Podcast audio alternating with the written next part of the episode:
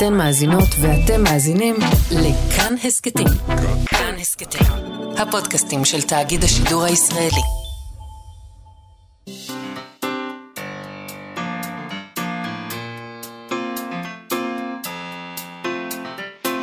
מה שכרוך עם יובל אביבי ומה יעשה לה. שלום, צהריים טובים, אנחנו מה שכרוך, מגזין הספרות היומי של כאן תרבות. אנחנו כאן בכל יום ב-12 בצהריים, בשידור חי. אתם מאזינים לנו ב-104.9, אולי ב-105.3 FM.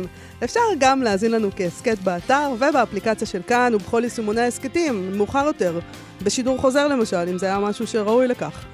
איתי אשת אה, שלנו על ההפקה, על הביצוע הטכני, יובל יסוד, שלום לכם, אה, יובל אביבי, עוד לא חזר מהחופשה, איתי היום אלעד ברנועי שלנו, שעל פי רוב מגיש את התוכנית פופ-אפ, אה, שהחל מהשבוע עוברת ליום שלישי, מהשבוע הבא, נכון? לא, אה, מהשבוע. מהיום- אז מחר יש פופ-אפ. כן. זה מבלבל אותי, רגע, בוא... בוא נגיד את זה שוב, מחר יש פופ-אפ. בשעה חמש. מחר בחמש יש פופ-אפ. שלום אלעד ברנועי. שלום מעשר. אתה עורך גם את זינוק לאתמול, כן. שחוזרת. היום, בשעה בחמש, חמש. זה זה השעה. החדשה שלי עכשיו. חמש. חמש. חמש אחר הצהריים, חמש בערב, חמש לפנות ערב. חמש אחר הצהריים. הבנתי. לא, צהריים, צהריים. צהריים. אני, אף אחד לא יגיד לי לא להגיד צהריים בעולם הזה. אין בן אדם בעולם הזה שיגיד לי איך להגיד צהריים. לדעתי יש למטה כמה אני אנשים אומרת כל שיגידו כך הרבה לך. שנים את המילה הזאת, אתם לא תגידו לי איך להגיד את זה. שלום אלעד ברנועי. מאיה, על מה מדברים היום? טוב, אנחנו נדבר היום עם המשורר המתרגם ועורך כתב העת הו, דורי מנור, על גיליון חדש של הו, שבו אה, הוא מביא לנו ספרות עברית משלוש יבשות. אה, הוא נקרא דיאספורה, הפזורה העברית, מה קורה Mm. שם? אה, בפתח כתב העת יש מוטו של המשורר אבות ישורון עם השורות הבאות. איש לא יספר לי כי עזבנו את הגלות. מה לא הייתי נותן בעד הגלות הזאת שעזבנו? אז היהודים ממשיכים לנדוד, מסתבר, היהודי הנודד זה משהו בנו, שאנחנו רוצים לנדוד, ומעניין מה רואים משם שאנחנו לא רואים מכאן, וגם למה המוסדות הישראלים סוגרים את הדלת בפני הספרות הזאת שבאה מהפזורה. מה, אני לא יכול אני שאת אוהבת אומרת לקרוא לזה פזורה. פזורה, אתם חושבים לפזורה הבדואית וכבר לא אומרים גם. בדיוק בגלל זה אני קוראת לזה פזורה, הפזורה היהודית. אה, אז זה הפזורה הישראלית בעצם, כי אנחנו יהודים, אנחנו יודעים המילה שיש פזורה בעולם. היא מילה נוראית. מילה נהדרת. אני באמת אוהבת אותה, אתה לא? זה לא נשמע לך יפה? פזורה? דווקא בגלל כל הקונוטציות. פזורה וגם הבדואים. נודדים, נכון? אז, אז יש כאן איזה משהו. טוב, עוד מעט אנחנו נדבר עם דורי מנור על המגוון הטריטוריאלי של הספרות העברית העכשווית באירופה, באמריקה ובישראל. דורי מנור, אה, הוא מבקש להפנות את הזרקור פה לכותבים, אה, לאנשים שכותבים מחוץ לישראל, שהם הולכים ומתרבים, באמת יש המון. אה, בגיליון הזה, אנשים שבחרו לחיות במקומות אחרים, כן, יש דבר כזה. דורי מנור מדבר בפתח הדבר, הדבר שלו על שינוי פרדיגמה של ממש, על זה שהספרות העברית אולי מחדשת ימיה כקדם וחוזרת להיות אוניברסלית. ואנחנו באנו משם, אנחנו באנו מכל המקומות האלה. אני מה זה סקפטי בסיפור הזה, את יודעת? מדוע? כי אנשים שכותבים על, אה, על, בעברית מעבר לים, מהמם. הם הכי פחות אוניברסליים שיש, הם רק כותבים על במבה וזה שהם רוצים לחזור לארץ. Mm, אתה חושב ככה? אני אני- לא התרשמתי ככה מהגיליון הזה. יש איזה משהו בכתיבה אה, אה, אה, ישראלית או עברית בדיאספורה, שהוא כל הזמן מייחל לאיזה דווקא משהו ספציפי וממוקם. אני דווקא לא רואה את זה ככתיבה נכון. אוניברסלית. אפשר- יש שם סיפור, דווקא שאהבתי אותו, על חורבן, ישראל, ישראל נחרבה, זה לא סתם שהם שם, בסיפור כמובן, לא באמת, של, סיפור של הילה עמית עבאס, שיושבת בברלין, כן, והיא לא מצליחה להיזכר בשם של הרחוב הזה, כן. אה, של בין אה, פרישמן לשדרות חן, אה, זה, ואני צועקת לה כשאני קוראת את זה, מה שריק? מה יש לך? הן משחקות שם, אה, יש שם זוג של אה, נשים שמשחקות ארץ עיר אה, בעברית, וכדי לזכור, את, כדי לזכור את הרחובות ואת כל אבל השמות. זה ב- ואת בדיוק. לזה אני מתכוון. כן, כלומר, הבמבה. כן, בדיוק, אוכל הבמבה. במבה. מהמם. האפיסטמולוגיה של הבמבה. כן. אז טוב, אנחנו עוד מעט נשאל את דורי מנור מה הוא חושב על זה, אם הוא מסכים איתך. נדבר היום גם עם צור שייזף שלנו על עוד מסע שנוסיף לתרמיל המסעות שלנו, אה, אבל אנחנו מתחילים עם יוקנעם, עיר ואם בישראל. נכון. לפי- מקום שכדאי לדבר עליו, יוקנעם. לפי ויקיפדיה, מהמם. מאיה, יוקנעם עילית היא עיר במח- במחוז הצפון בישראל, והיא מוכרת גם בשם המקוצר יוקנעם. היא נמצאת בקצה הצפוני של רמות מנשה, בין הכרמל לעמק יזרעאל, גובלת במושבה יוקנעם ובמושב עין העמק. היא ממוקמת במרחק של חמישה קילומטרים מקריית טבעון, גובהה הממוצע של העיר הוא 151 מטר, זה חשוב. וגובהה המקסימלי, אם תהית, מעיין, הוא 225 מטר, ואם תהית איפה זה, זה בשכונת שער הגיא, כן. שלמרות שקוראים לה שער הגיא, היא הכי גבוהה. זה דבר מאוד משונה. זה לא משונה, עוד מעט נשמע את הסיפור, ונראה שיש כאן עניינים, יש פה ענייני הבנה. אה, מאיה, בימים האחרונים עלה אה, בפייסבוק, אני הייתי מנסח את זה, עלה בטוויטר, אה, שלט יוקנעמי שגרם לסערה. נכון. הפייסבוק, כלומר הטוויטר, תלוי איפה כל אחד נמצא, ברשת נרעשו בגלל השלט החדש היוקנעמי, שבו כתוב כך: יוקנעם מובילה שיח חדש, מכיל ומכבד. אה, עכשיו, שיח חדש במילה אחת, הלחם. לכם. שיא חדש, אה, שיא חדש, אנחנו מכירים את המושג הזה מג'ורג' אורוול, אה, והרומן הדיסטופי שלו, 1984, שבו הוא מתאר חיים תחת שלטון טוט- טוטליטרי, חיים שבהם גם הלשון בעצם נמצאת אה, תחת דיקטטורה. ב- הוא קרא לזה Newspeak, והמתרגמת לעברית קרא לזה שיחדש. שיחדש. במילה, אה, כמו עוד פעם. את לא צריכה להגיד את זה מהר, מאיה, את לא אני- צריכה להגיד אני- שיח אני חדש. רוצה שיבינו, כי הם לא רואים. זה במילה אחת. שיח חדש. שיח וחדש. אה, והדבר הזה הפך לביטוי פשוט מאוד מאוד ידוע, או לפחות הוא פעם היה ידוע, אה, לדרך שבה אנחנו מתארים מציאות שקרית בעצם. הספר הזה יצא בעם עובד. יכול להיות שאם לא היו מקצצים כל כך בלימודים של מדעי הרוח, אז בעיריית יוקנעם לא היו משתמשים במושג הזה, שיח חדש, אה, באופן שבו הם השתמשו, אבל אני מנסה לתת להם קרדיט ולחשוב שאולי הם גם עשו את זה בכוונה. אולי הם יודעים על מה הם מדברים, אולי זה שאלת מחאה בעצם.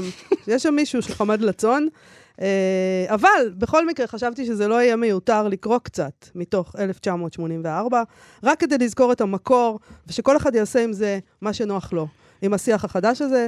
זה נראה כאילו כבר קלישאה פשוט כזה, אתה יודע, לקרוא מ-1984, אנחנו כאילו חושבים שאנחנו מכירים את זה בעל פה, אבל אולי לא צריך להפסיק אה, להזכיר את הספרות האומללה. מה, לפני שנקרא מ-1984, אני רוצה להגיד לך על העניין הזה כן. של הספר הזה. אני, כן. אני, לתחושתי, מעט מאוד אנשים קראו את 1984. אה. אה, לתחושתי, אנשים, יודע, זה מסוג הספרים שהם שמעו עליהם כל כך הרבה פעמים, שהם פשוט יודע- יודעים עליהם מספיק בשביל להגיד, זה, זה כאילו ספר כזה, אמרת רומן דיסטופי, אמרתי, טוב, זה כבר לא כזה דיסטופי, כאילו זה, זה פשוט, אנחנו כאילו כבר מרגישים את זה, כאילו זה כבר רגיל, כבר התרגלנו לזה. אני מרגיש ש... אה, מה דיסטופי בזה? זה כאילו, מה. דיסטופי? די, כן. כן, כאילו, את- תן הבנתי. סקרין, בסדר. אה, אז אנחנו נקרא מהתרגום החדש של- של ארז וולק. נכון, ששמר על, ה, על הביטוי הזה, על השיחדש של, אה, של נכון. קודמתו. נכון, למרות שאת יפה, ה- וזה את ה- נכון. הוא... אה, הוא- טוב, אנחנו נקרא. טוב. ווינסטון נשאר בגבו אל הטלצג. כך בטוח יותר, אף על פי שידע שגם גב עשוי להסגיר. קילומטר משם, מיניסטריון האמת, מקום עבודתו, התנסה עצום ולבן מעל לנוף המפויח. זו, הוא חשב במעין סלידה עמומה, זוהי לונדון. העיר הראשית במנחת א', שהוא המחוז השלישי במספר אוכלוסיו באוקיאניה. הוא ניסה לדלות זיכרון ילדות שיגיד לו אם לונדון תמיד הייתה כזאת. האם תמיד היו נופים הללו של בתים מרכיבים מהמאה ה-19, שקורות עץ תומכות בצידיהם, שחלונותיהם מוטלעים ביריות קרטון וגגותיהם בפח גלי, והם מוקפים חומות גינה גחמניות ששוקעות לכל עבר. והמקומות המופצצים ששם אבק הטיח מסתחרר באוויר ועשבי הרברבה מזדחלים מעל איי החורבות, והמקומות שבהם הפצצות קרו נתיב רחב יותר וצריפי עץ עלובים צצו כמו לולי תרנגולות, אבל הניסיון העלה חרס. שום זיכרון לא בא. לא נותר דבר מילדותו, פרט לרצף של תמונות מוארות באור בהיר, שהופיעו בלא כל רקע והיו על פי רוב חסרות פשר. מיניסטריון האמת, מינימט בשיח חדש אחד, היה שונה להבהיל מכל דבר אחר בשדה הראייה. זה היה מבנה עצום דמוי פירמידה מבטון לבן מבהיק, נישא אל על קומות על גבי קומות עד לגובה 300 מטרים. במקום עומדו של ווינסטון עוד אפשר היה לקרוא בכיתוב נאה על פני חזיתו הלבנה את שלוש המס... הסיסמאות של המפלגה. מלחמה היא שלום, חירות היא עבדות, בורות היא כוח. במיניסטריון האמת היו לפי השמועות 3,000 חדרים מעל לפני הקרקע והסתעפויות תת-קרקעיות בהתאם. ברחבי לונדון היו רק עוד שלושה בניינים דומים בחזותם ובגודלם. כל המבנים הסובבים אותם התגמדו לעומתם במידה כזאת שאפשר היה לעמוד על הגג באחוזות הניצחון ולראות את ארבעתם בו בזמן. בהם שכנו ארבעת המיניסטריונים שכל מנגנון הממשל התחלק ביניהם. מיניסטריון האמת, שעניינו חדשות, בידור, חינוך ואומנות, מיניסטריון השלום, שעניינו מלחמה, מיניסטריון האהבה, המופקד על החוק והסדר, ומיניסטריון השפע, הממונה על הכלכלה. ואלה שמותיהם בשיח חדש. מיני מת, מיני לום, מיני לב ומיני שפע. מושלם. מושלם. ואתה מרגיש שאתה בעצם, אנחנו חיים שם כבר. איפה היית בוחרת? אה, איזה, איזה מיניסטריון את היית רוצה לעבוד בו? אהבה. למרות שהוא מופקד על החוק והסדר, אבל אני רואה לא, את מתאים לך הקשר. בול. אני רואה את הקשר בין הדברים, נכון? אני הייתי רוצה לעבוד במיניסטריון השלום. Mm, שעניינו שעניינו מלחמה. מלחמה. אוקיי, יפה מאוד.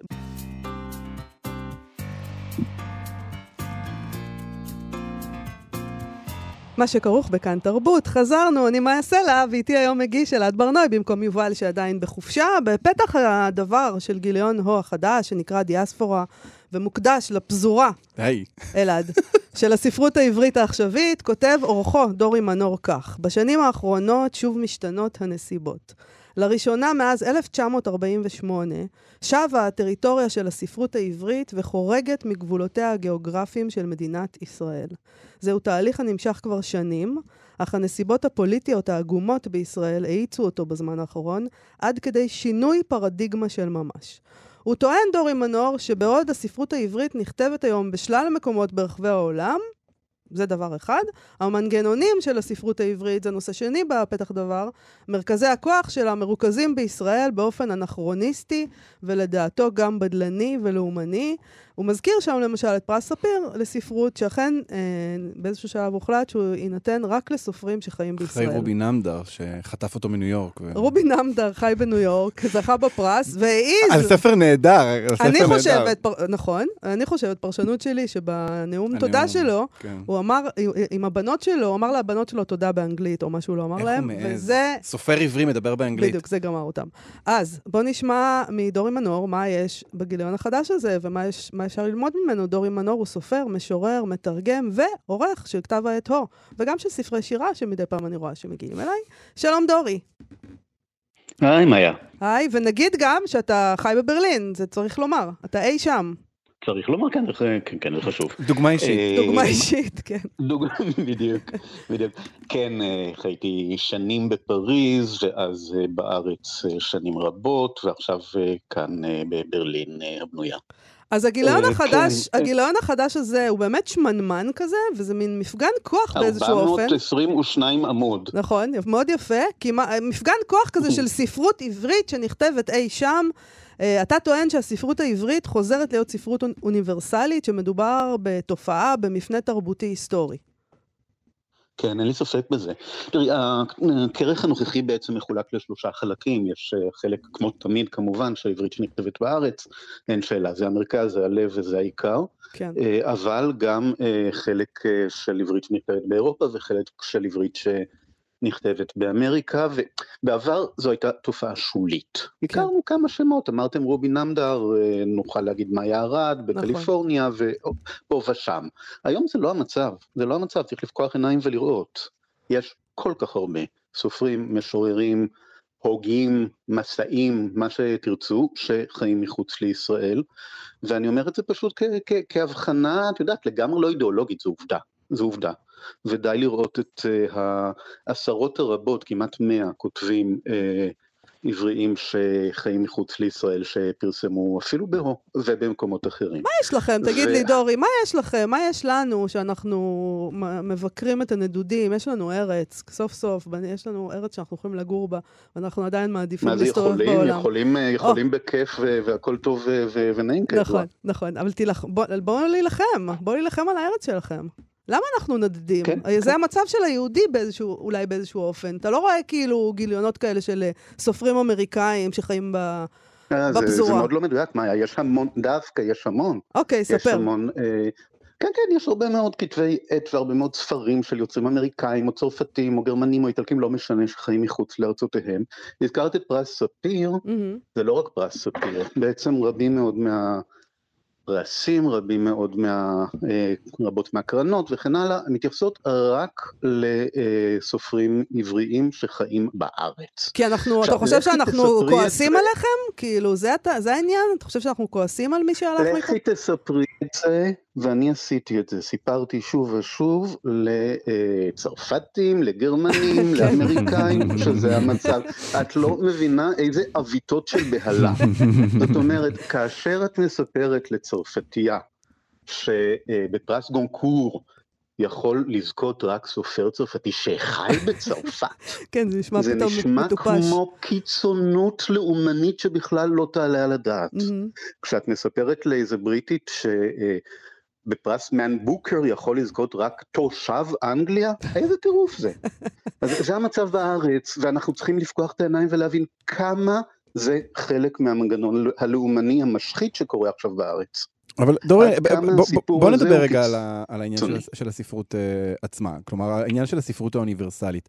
זה- ה- התחושה שלי שדווקא כותבים עבריים שחיים מעבר לים, אה, הדבר האחרון שהם עושים זה לכתוב ספרות שהיא אוניברסלית. הם מביטים אה, אל הבית, אז הרבה פעמים זה על הגירה, שזה כן נושא אוניברסלי, אבל אמרתי מקודם למאיה בתחילת התוכנית, שהתחושה שלי זה תמיד שהם כותבים עם ריח כזה של שמפו פינוק ובמבה. במבה, הם כותבים כי, על אה, במבה. כי הם מתגעגעים לישראל, וה, והכתיבה הזאת היא בעיניי הכתיבה שהיא דווקא הכי ממוקמת, היא ממוקמת בגעגוע שלה, או ביחס ל, ל, לארץ המוצא.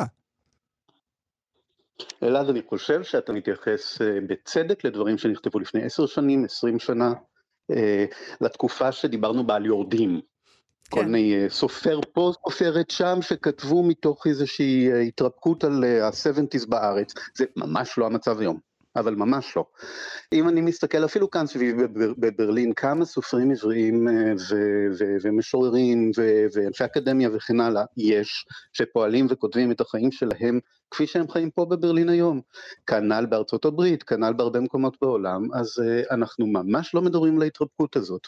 אז ברור, אם אני כותב על uh, uh, החיים שלי היום, החיים שלי זה גם לפתוח כל יום הארץ, לקרוא ברשת, ולהיות בפייסבוק, ולחיות בעברית, אני חי בעברית.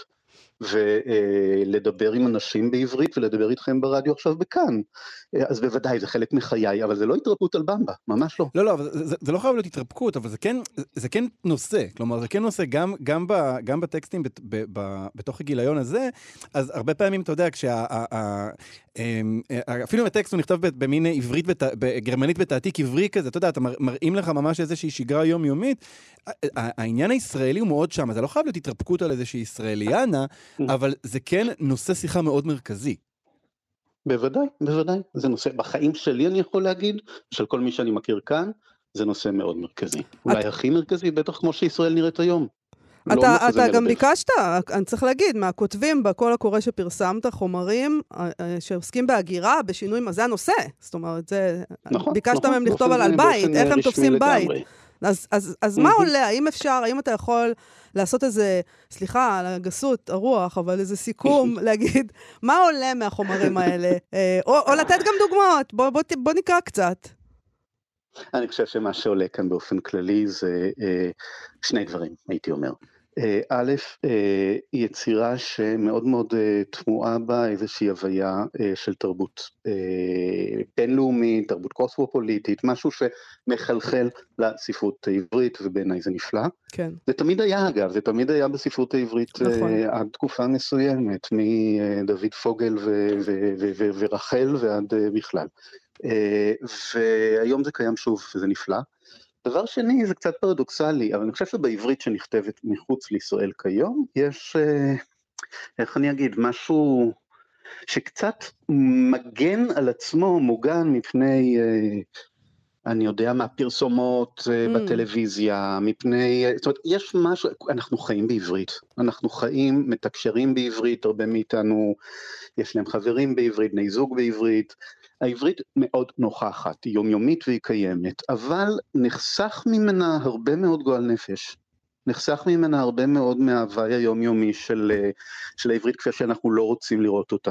ואיכשהו זה הופך את העברית, אני מעז להגיד, לפעמים ליותר טובה. וואו, גם יש, מדהים. יש משהו בלהסתובב במרחב שאתה חלק ממנו, ואתה אתה מושפע מכל מילה. כלומר, כשמסתובבים פה בארץ, כל דבר שנאמר, כל אמירה של נהג מונית וכל אה, אה, מבזק חדשות, כל דבר מכה בי באיזושהי מין אלימות כזו, שהיא אלימות ששייכת למי שגר כאן, אלימות מקומית. כשאתה, אתה יודע, אני גרתי בלונדון כמה שנים, זה לא הזיז לי, לא היה אכפת לי. הייתי הולך ברחוב, הדברים האלה בכלל עברו מעל הראש שלי, וזה באמת נכון, נותן איזשהו נכון. פנאי להגיגים שלא הייתי מצליח לה, להגות בהם פה.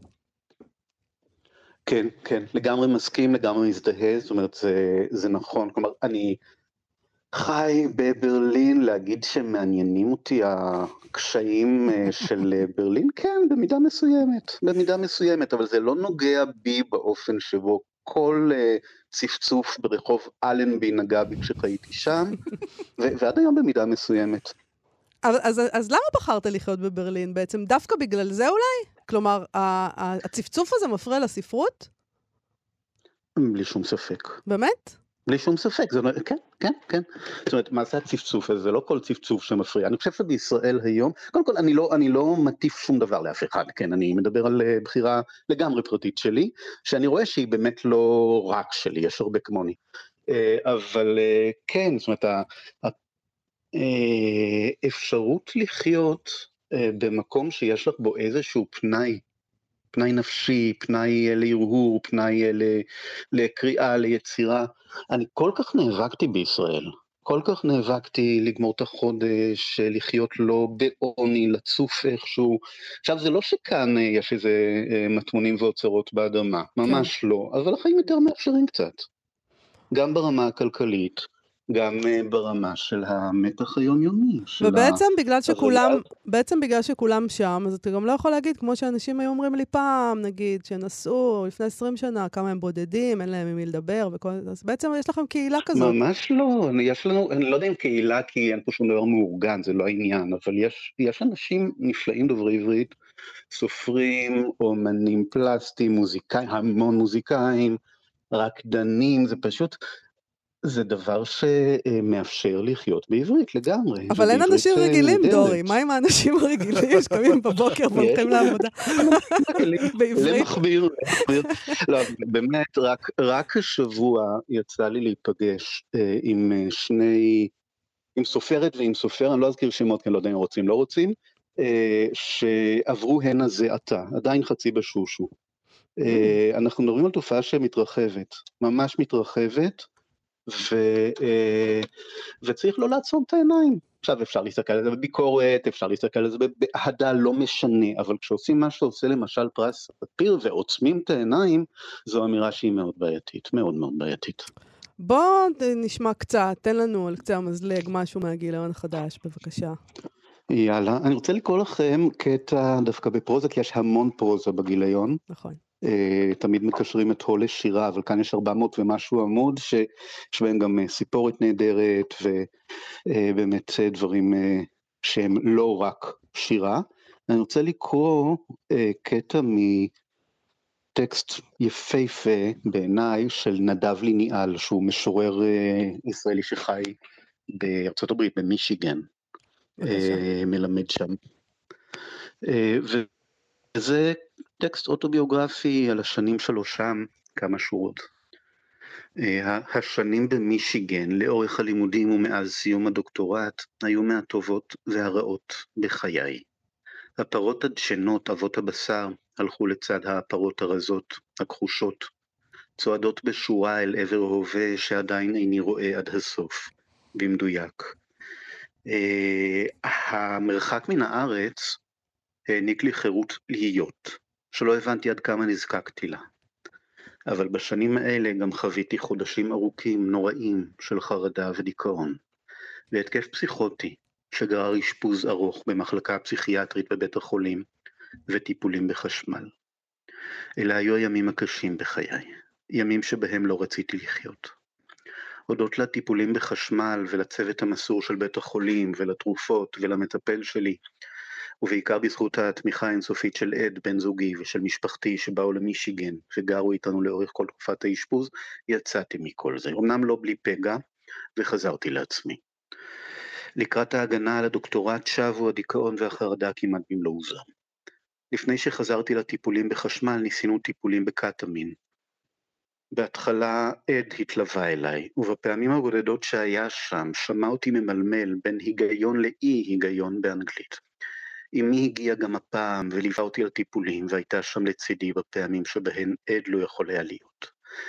תחת השפעת הסם, חומר הרדמה לסוסים, סם פסיכדלי מעל חש שידוע בסיועו לטיפול בדיכאון, הייתי נתון במצב דיס... דיסוציאטיבי.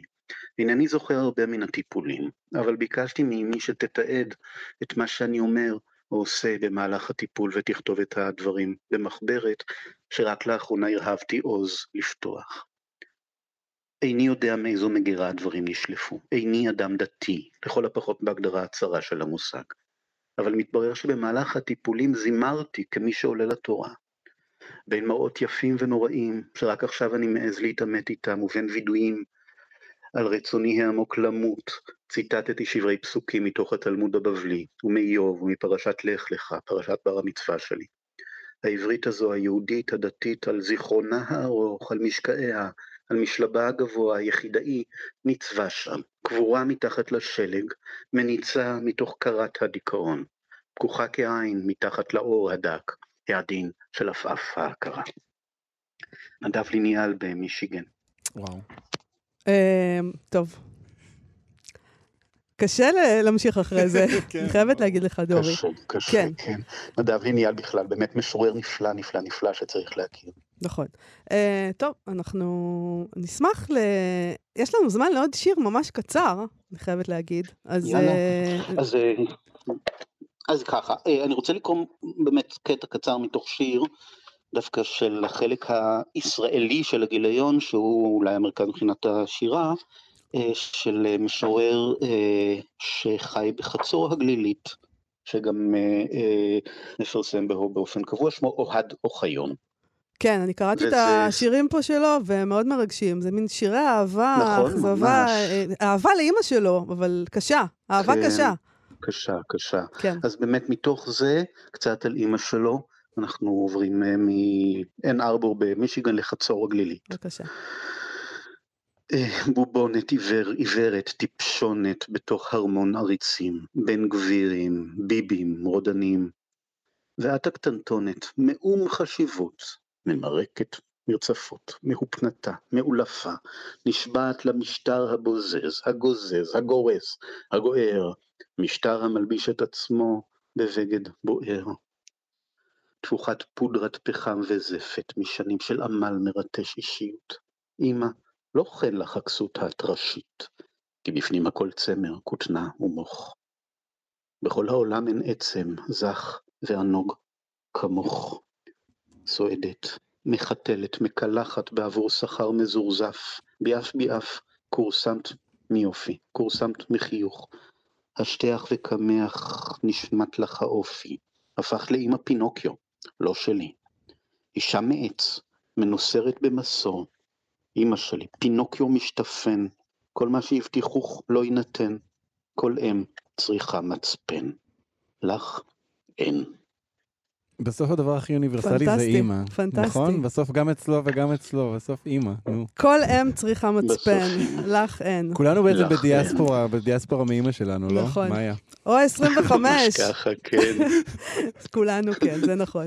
דורי מנור, אה, תודה רבה לך על השיחה הזו, דיברנו על או 25. תודה רבה. לכו לקנות, תודה תודה לך. תודה מאיה, תודה אלעד. להתראות. עכשיו, דרך הספר. מה שכרוך בכאן תרבות, חזרנו, אני מאיה סלע, איתי באולפן אלעד ברנועי שלנו, שמחליף את יובל, שטרם שב משדה הקרב. ואנחנו עכשיו עם הפינה של צור שייזף שלנו, התאילן והמורד, דרך הספר, שבה אנחנו מסתובבים איתו בעולם ובספרות גם. שלום, צור שייזף. שלום וברכה, מאיה, אני שמח שחזרת מליאת אזוז. אזוז, בדיוק. אלעד, אותו דבר. אנחנו אזוזיים מאוד היום. מה איתך, צור? על מה מדברים היום? מדברים היום על ספר של ארלינג קאגה הנורבגי, ספר שנקרא Walking, או הליכה, צעד אחד, אה, אה, מה שנקרא צעד אחד. וארלינג קאגה בעצמו, אה, שהוא גם סופר, גם משורר, אבל גם איש מסעות גדול, מהמם. הוא אחד מהאנשים היחידים שהיו גם בקוטב הצפוני, גם בקוטב הדרומי וגם על פסגת האברסט, כשאת המסעות לכתבים הוא עושה ללא סיוע. זאת אומרת, הוא לא לוקח מזחלות, כלבים, עניינים, אלא סוחב את כל הציוד עליו. אה, והולך. והולך.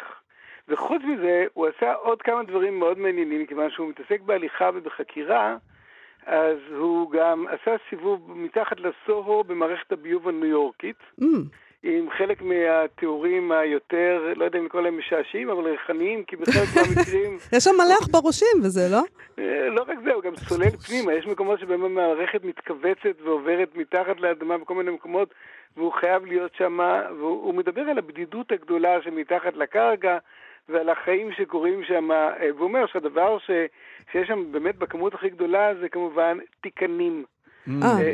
ג'וקים, כן, הוא אומר שזה באמת אה, אופייני, וזה כנראה מה שישאר אחרינו, החיות הקדומות הקדומות לא, אבל אני לא האלה. מבינה, אני חייבת שתסביר לי את זה, צור. זאת אומרת, בן אדם, אוקיי, אני מבינה שהוא רוצה לנסוע לקוטב הדרומי והצפוני ולטפס על האברסט. יש כאלה אנשים מוזרים, אתה למשל, אבל מה הקטע עם לרדת שם מתחת לתעלות הביוב? זאת אומרת, ברור שתהיה תהיה שם בדידות גדולה. מה חשבת שיהיה שם?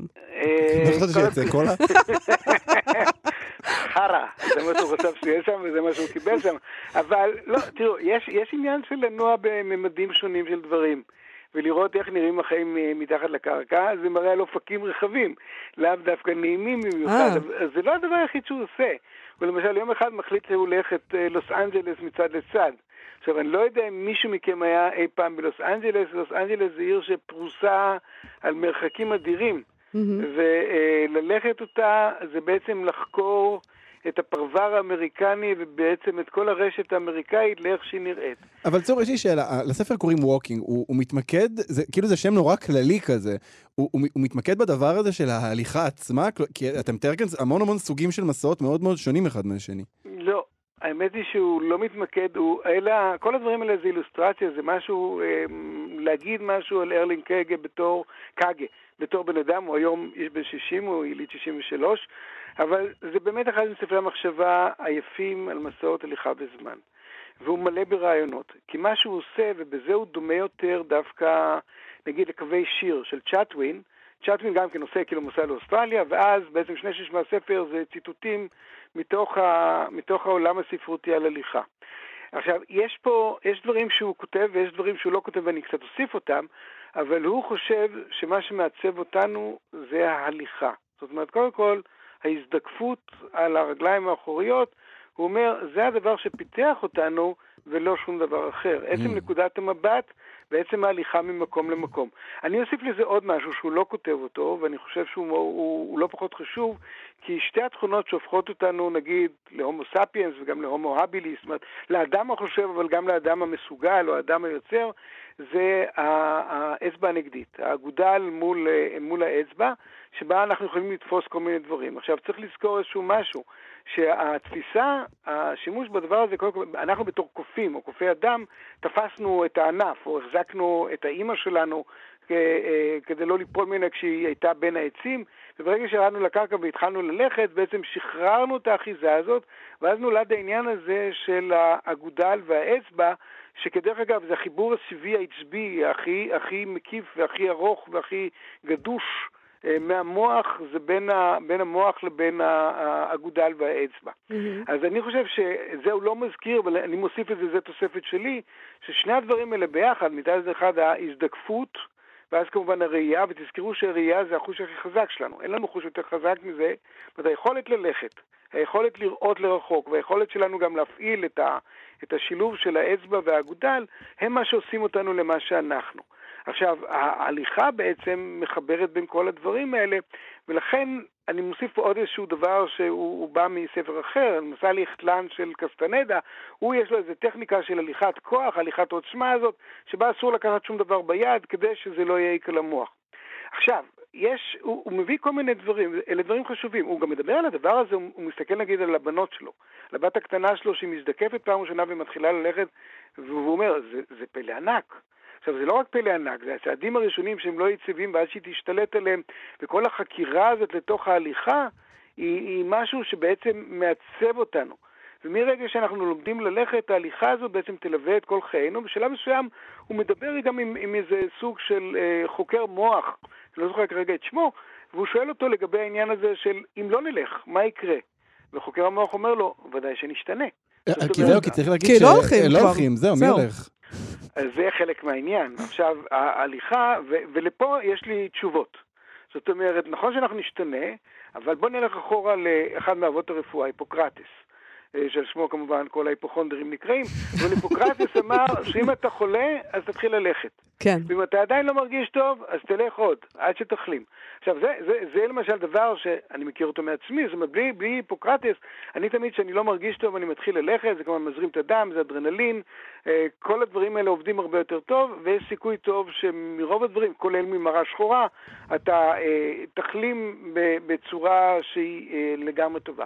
עכשיו, הוא לא מדבר רק על הליכה, הוא מדבר, הוא, נגיד הוא לוקח את הנרי דוד ת'רו, דיוויד ת'רו, כן. שהוא כמובן אחד מה, מאנשי הטבע הגדולים, היה משורר, היה חוקר, איש שמאוד אהב את אה, דרווין ודברים אחרים, ושם הוא מדבר על משהו, על מושג שגם ליפנים יש אותו, והוא נקרא מקלחת יער.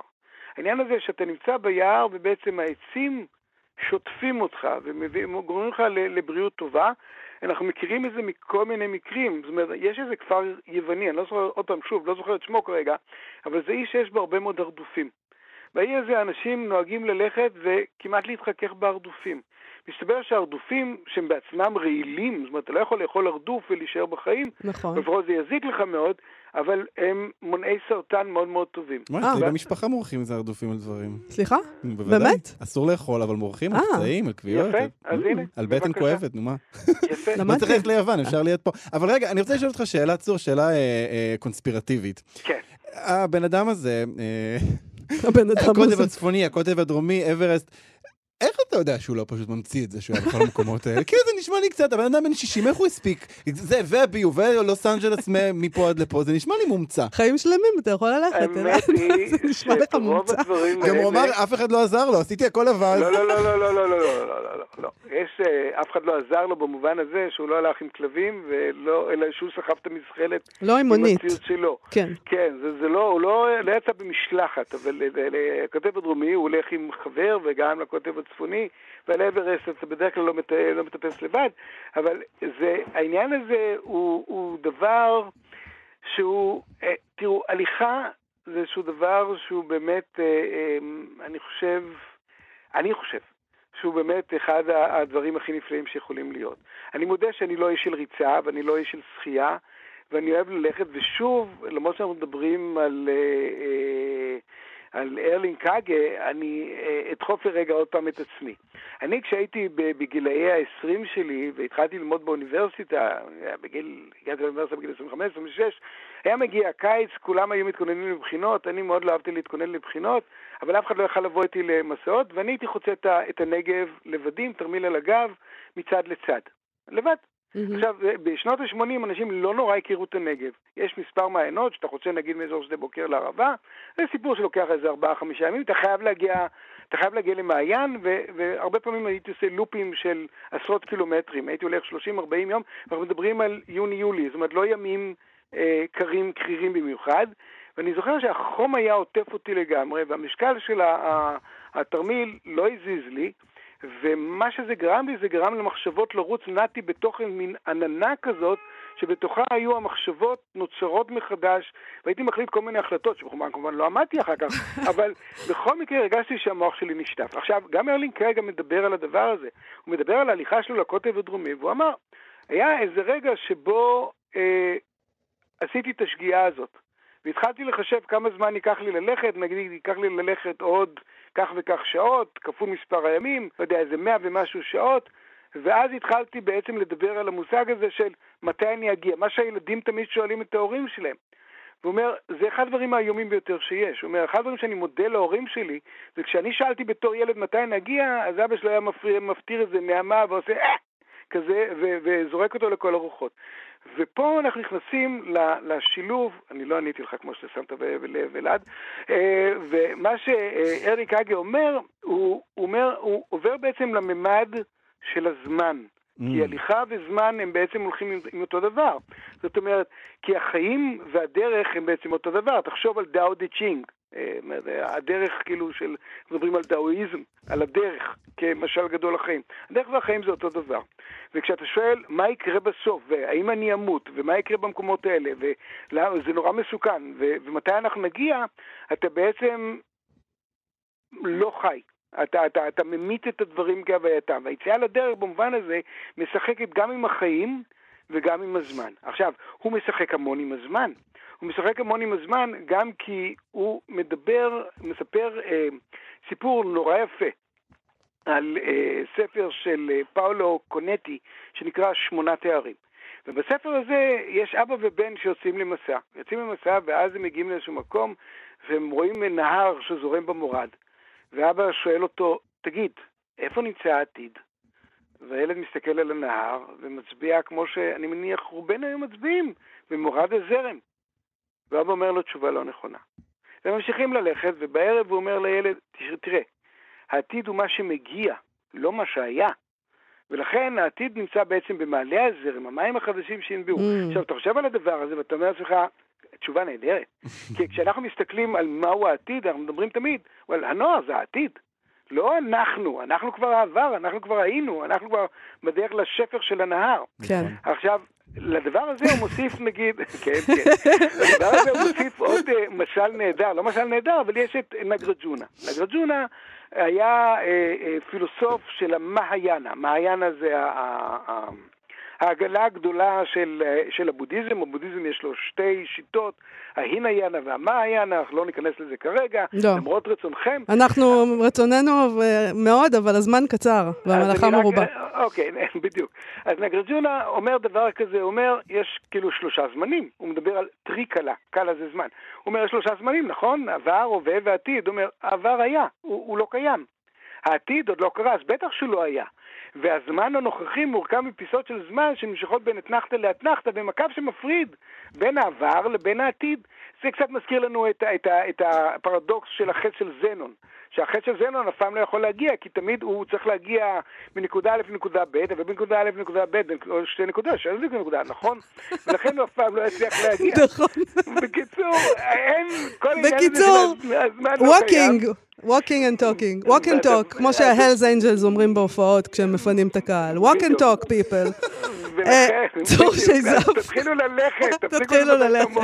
ככה הייתי אומרת לבת שלי הרבה פעמים שהייתה נעצרת באמצע המדרכה. walk and talk. צור שיזף, תודה רבה לך על השיחה הזאת. היה תענוג, כרגיל. להתראות בדרך. להתראות. ביי אלעד. ביי ביי. אה, טוב, יש לנו עוד סטטוס להספיק, אלעד, נכון? כן. אה, של המשוררת מרים גולן, שכתבה דבר מאוד יפה, אה, מעניין, עם היוודע דבר מותו של יואל הופמן. אה, וחשבנו שזה יהיה מאוד מעניין לקרוא. כן, זה טקסט עם מעט מאוד סימני פיסוק, אז uh, אני לוקח פה לך על זה. walk and talk. יש לי בבית ספרים של יואל הופמן שקראתי בעבר, ואני לא קוראת בהם יותר, כי כשאני קוראת בהם, כל מה שאני כותבת אחר כך נראה לי כמו טקסט שמתחפש לטקסט של יואל הופמן. זה נדבק, וזה אף פעם לא טוב כמו יואל הופמן. פעם פרסמתי מחזור שירים בכתב עת, ומישהו שהכרתי חייך חיוך כזה מדושן ואמר, מתאפק לו לצחוק. נכון קראתי יואל הופמן לפני שכתבת את השירים האלה, וזה היה מביך מאוד וגם נכון מאוד.